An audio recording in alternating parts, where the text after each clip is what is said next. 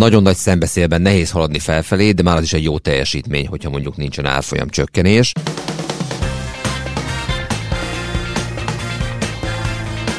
Egy nagyon izgalmas és nehéz időszak látszik így tőkepiaci szempontból.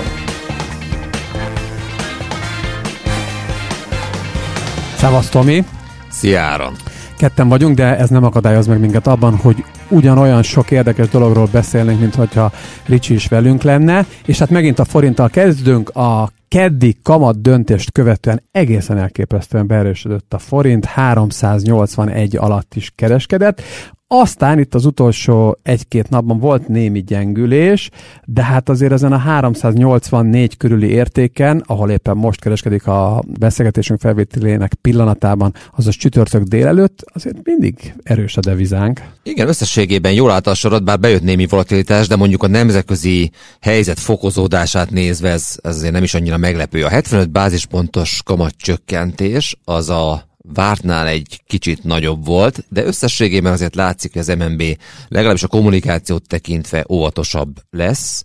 Lényegében elhangzott egy ilyen 11%-os évvégi kamat cél, amiről azt gondolom, hogy ez a piaci várakozásoknál némileg magasabb, és van egy határozott véleményem arról, hogy az MNB valószínűleg meg akarja várni a januári-februári inflációs indexálások hatását, ugye nagyon sok termék és szolgáltására fog feljebb kerülni, a bérek is emelkednek, tehát az MNB megvárja ennek az inflációs hatását, mielőtt egy számjegyű kamatot szeretne látni. És persze ott van a nemzetközi környezet, ahol azért a hozamok emelkednek, főleg Amerikában, emiatt a forint volatilitása megnőhet, ez magyarra lefordítva azt jelenti, hogy akár még gyengülhetne is. Tehát nagyon sok mindenre kell figyelni, úgy tűnik az MNB összességében azért viszonylag óvatos lesz a további kamatcsökkentéssel. Igen, itt azért az látszik, amiről már beszéltünk, te is mondtad, Tomi, hogy a következő hónapokban nagyon jó inflációs adatokat fogunk látni Magyarországon, viszont azért az MNB-nek arra figyelni kell, hogy amiről szintén sokat beszéltünk, hogy Amerikában és Európában is egy komoly reálhozam kezd kialakulni, ezért Magyarországon is egy ennél nagyobb reálhozamot kell biztosítani ahhoz folyamatosan, még a jó inflációs adatok tükrében is, hogy ez egy vonzó ország maradjunk befektetési szempontból. Igen, a, a reálkamatot azt meg kell tartanunk, ezzel kapcsolatban persze van vita az MNB és a kormány között, de az biztos, hogy a, a forint akkor nem fog gyengülni érdemben, hogyha mondjuk az amerikai dollárhoz képest magasabb a reálkamat. Jelen pillanatban, és ez fontos elmondani, mert nagyon kevesen beszélnek erről, jelen pillanatban a, a forint reálkamat azért nagyon magas. Az elmúlt fél év inflációját kiévesítve 5% alatti pénzromlást kapunk, ezzel szemben a rövid kamatunk még mindig 12% környékén van. Távolabbra nézve meg mondjuk lejjebb vagyunk, de összességében a forint egy vonzó reálkamatot kínál, ez hozzá a stabilitását. Ugyanakkor vannak kockázatok, például az energiárak. Itt azért azt gondolom, hogy, hogy még túl kell esnünk egy télen, ahol azért, azért lehetnek érdekes mozgások az olaj, illetve főleg a földgáz árában. Úgyhogy vannak kockázatok, az MNB ezekre reagálva óvatos, úgy tűnik, kommunikáció szintjén is, és majd a kamatvágások szintjén is meglátjuk, hogy mi lesz a forinttal, és ennek lesz a folyamánya a további döntés. Egyébként ez az inflációs indexálás egy nagyon fontos kérdés. Nem csak itthon, hanem külföldön is. Nagyon sok vállalat próbálja emelni az árait év elején, vagy akár év közben is. Pont tegnap hallottuk azt, hogy az Apple megemeli akár 30-40 százalékkal a különböző szolgáltások árát. Tehát próbálnak a vállalatok árat emelni, pláne év elején, és ez az inflációt felfelé tudja tolni, és igazából soha nem lesz az infláció 2% akkor, hogyha ez a folyamat nem szakad meg emiatt óvatosak a jegybankok, nem csak itthon, hanem külföldön is, és ezért van az, hogy sem a Fed, sem az LKB nem akar hallani sem arról, hogy bármilyen módon a kamatcsökkentés kerüljön szóba. Magas reálkamatot akarnak még csinálni a gazdaságban, illetve ezt fenntartani, és hát az eszközárak azért nem túl pozitív hatással van, ezt mondhatjuk, főleg az amerikai részvénypiacon látjuk ezt az átárazódást, de hát Európa sem túl erős, úgyhogy egy nagyon izgalmas és nehéz időszak látszik így tőkepiaci szempontból. Most azokban a szektorokban, ahol nem tökéletes a verseny, kicsit ilyen oligopolisztikus piacok vannak, ott azért pont ezekre a folyamatokra lehet válasz, és, és minden fejlett országban van ilyen a gazdasági versenyhivatal tevékenysége, hogy ezeket az összehangoltnak tűnő, vagy minden esetre indokolatlanak tűnő emelkedéseket, áremeléseket behozzák ezek a cégek. Erre azért a jegybankok is számíthatnak, nem? Hát nehéz kérdés, azért ez nem olyan egyszerű. Kérdés, hogy milyen politikai ráhatással lehet bírni egy szektorra. Az árképzésben ritkán szoktak beavatkozni nyugaton.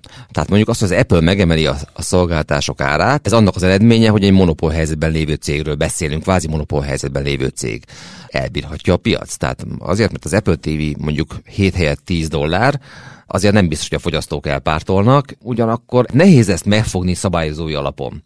Ez egy, ez egy bonyolult kérdés, mindesetre azt gondolom, hogy ha ez a folyamat megmarad, és minden évben átéljük ezt, akkor az infláció nem fog lejönni, és akkor egy tartósan magasabb inflációs környezetre készülhetünk fel, ami azt is jelenti, hogy a hozamok is magasabban vannak, és a jegybankok persze a reálhozam felfelé strófolásával próbálják ezt fékezni, egészen addig, amíg a kereslet gyengesége nem hozza el azt, hogy a vállalatok már nem tudnak árat emelni. Ez egy nehéz és fájdalmas folyamat, és hát látjuk a hatását a, a részvénypiacon is. Hát abszolút igazad van. Nyilván a jegybankok ennél gyorsabb javulást szeretnének látni az inflációs számokban. Gondoljuk vissza Paul Tudor Jonesra, aki azt mondta, hogy a, az infláció mint a fokrém, könnyű kinyomni a tubusból, de nehezebb visszatölteni. Egy bizonyos szintig le lehet venni az inflációt, 3-4 százalék környékére, ezt látjuk, és az egyébként régen is így volt, de ez a, ez a 2 százalékos, egyébként kicsit ilyen hasraütéssel kialakult inflációs cél a világban, ez sokkal nehezebben lesz elérhető. Szerintem mi magyarok a 3 százalékkal elégedettek Abszolút, lennénk, persze. tehát hogy az egy jó cél. Na, akkor ha már úgy is beszélgettünk az amerikai reálhozamokról, meg azoknak a jelentéségről az egész világra nézve, akkor nézzük meg, hogy mi történt az amerikai kötvénypiacon. A legnagyobb sztori nyilván az amerikai 10 éves hozam 5%-os szintje, amely tesztelésre kerül immár többször is, és hát Ugye pénzügyi jelentősége ennek talán kisebb, hogy pont 5% de a pszichológiai jelentőség eléggé nagy. Megjelentek a kötvényvásárlók, például Bill Gross, híres nagybefektető, ugye a Pimco-nak volt a, az ikonikus alapkezelője, vagy éppen Bill Ekman, egy hedge fund manager, aki zárta a kötvénysortokat, nagyon jó érzékkel nyitotta ezeket egyébként a tavasz, illetve a nyár folyamán, tehát megjelentek a vevők, de ott vannak a piacon azok is, akik azt gondolják, hogy ez még egy nyomot hozamszint, és akár feljebb is mehetünk, tehát óriási erők feszülnek egymással szembe, de az tény, hogy ez a magas, magas reálhozam, ez az 5%-os hozamszint, ami, hogyha megnézzük, hogy milyen inflációs árazás van a piacon, akkor ez egy ilyen 2% feletti reálhozam, ez a részvények árát nyomás alatt tartja, és most látjuk azt, hogy a, a Nasdaq Indexnek a magas árazási szorzói papírjai elkezdtek ehhez alkalmazkodni, magyarul esnek az árfolyamok. Tulajdonképpen majdnem mindegy, hogy miért jelent egy cég. A jelentésekre adott reakció az általában negatív, évek óta nem volt olyan, hogy az S&P 500 index komponensei átlagosan 1,3%-ot estek a jelentés után. Tök mindegy, hogy mit jelentettek a cégek. Vannak jobbak, mint például a Microsoft, és aztán vannak olyanok, mint az Alphabet a szerdán, amit teljesen elintéztek, és egy történelmi esést mutatott az árfolyam.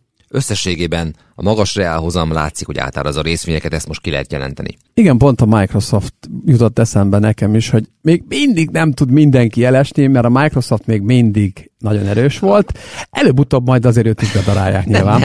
Lehet, hogy nem. A Microsoft esetében egy nagyon jó érzékel történő növekedési irány alakult ki, ez pedig a mesterséges intelligencia, sokat beszéltünk erről, és úgy tűnik, hogy ezt ő tényleg tudja kapitalizálni, tehát pénzé tenni, és ebben a szegmensben van növekedés, és összességében egy, egy, egy alapvetően korrekt jelentés született. Viszont a mesterséges intelligencia sztori másik nagy nyertes szektor, a chip szektor gyengelkedik. Így van. Ez egy nagyon érdekes iparág, mert a hagyományos szegmensekben, ahol a csipek iránti kereslet megjelenik, ott kifejezetten gyenge még a, a piac. Nagyok a készletek. Jött is warning például a Texas Instruments-től, ő alapvetően ilyen ipari alkalmazásokhoz, autókhoz gyárt csipeket, inkább ilyen analóg integrált áramköröket. Az Nvidia növekedési sztoria az megvan, azért itt az árazási szorzó annyira magas, hogy, itt is látjuk ezt az átárazást. Tehát ez a félvezető szektor, ez már nem egységes. Vannak jobbak és rosszabbak, de úgy tűnik, hogy a jobbakat is elkezdték átárazni. Szóval ez is egy nehéz szegmensé vált. És akkor nem beszéltünk a hagyományos részvényekről, amelyek alapvetően gyengék továbbra is. Tehát összességében a, a teljes amerikai piaci kapitalizáció érdemben csökkent az elmúlt napokban. Van egy lefelé rendelő piacunk, amit valószínűleg a pessimizmus és a túladottság tud majd megfogni. Azért én most óra perc pontosággal nem tudom megtippenni, hogy ez, ez, ez mikor fog bekövetkezni. Azért szerencsére nem mindenhol temetője hangulat a részvénypiacokon, és jelen esetben éppen Kelet-Európában egész jó. Nézzük meg a lengyeleket, meg a magyarokat. Itt azért tök sok emelkedést láthattunk az elmúlt napokban. Igen, a lengyeleknél volt egy a piac által nagyon pozitívan értékelt választás, amely egy akár egy hogy hosszabb ilyen bullpiacot is ki tud alakítani. Nyilván ebben azért lesznek döccenők. Magyarországon is az OTP nagyon jól tartja magát annak fényében, hogy milyen a nemzetközi hangulat, és egyébként a nemzetközi bankrészvények alapvetően gyengék, néhány kivételtől eltekintve, és a régiós bankpapírok pedig nagyon jól teljesítenek, tehát ez mindenképpen egy, egy, egy pozitív dolog, főleg úgy, hogy azért itt az ügyfeleink között számosan vannak, akik, akik itt fektetnek be. Nyilván nagyon nagy szembeszélben nehéz haladni felfelé, de már az is egy jó teljesítmény, hogyha mondjuk nincsen árfolyam csökkenés. Valószínűleg itt a befektetői alulpozicionáltság az nagy szerepet játszik, tehát hogy ezt, ezt a régiót annyira elfejtették, adott esetben sortolták, hogy itt már nem nagyon maradt eladó, inkább bevételi próbálkozások láthatóak úgyhogy ez pozitív. Ami egy nagy kérdés lesz a jövő héten, az a november 1-i Fed döntés, ahol hát kamatemelés nem vár a piac, de az egy nagy kérdés, hogy mit kommunikál majd a Fed. Egy fontos dolgot érdemes kiemelni, amit többször is elmondtak a döntéshozók, ez pedig az, hogy a hozamok emelkedése az elvégzi az ő munkájuk egy részét, tehát hogyha nagyon emelkednek a hozamok, akkor nem szükséges annyira kamatot emelni, hiszen szigorodnak a monetáris kondíciók. Tomi, nagyon szépen köszönöm, és akkor jövő pénteken kora reggel innen folytatjuk.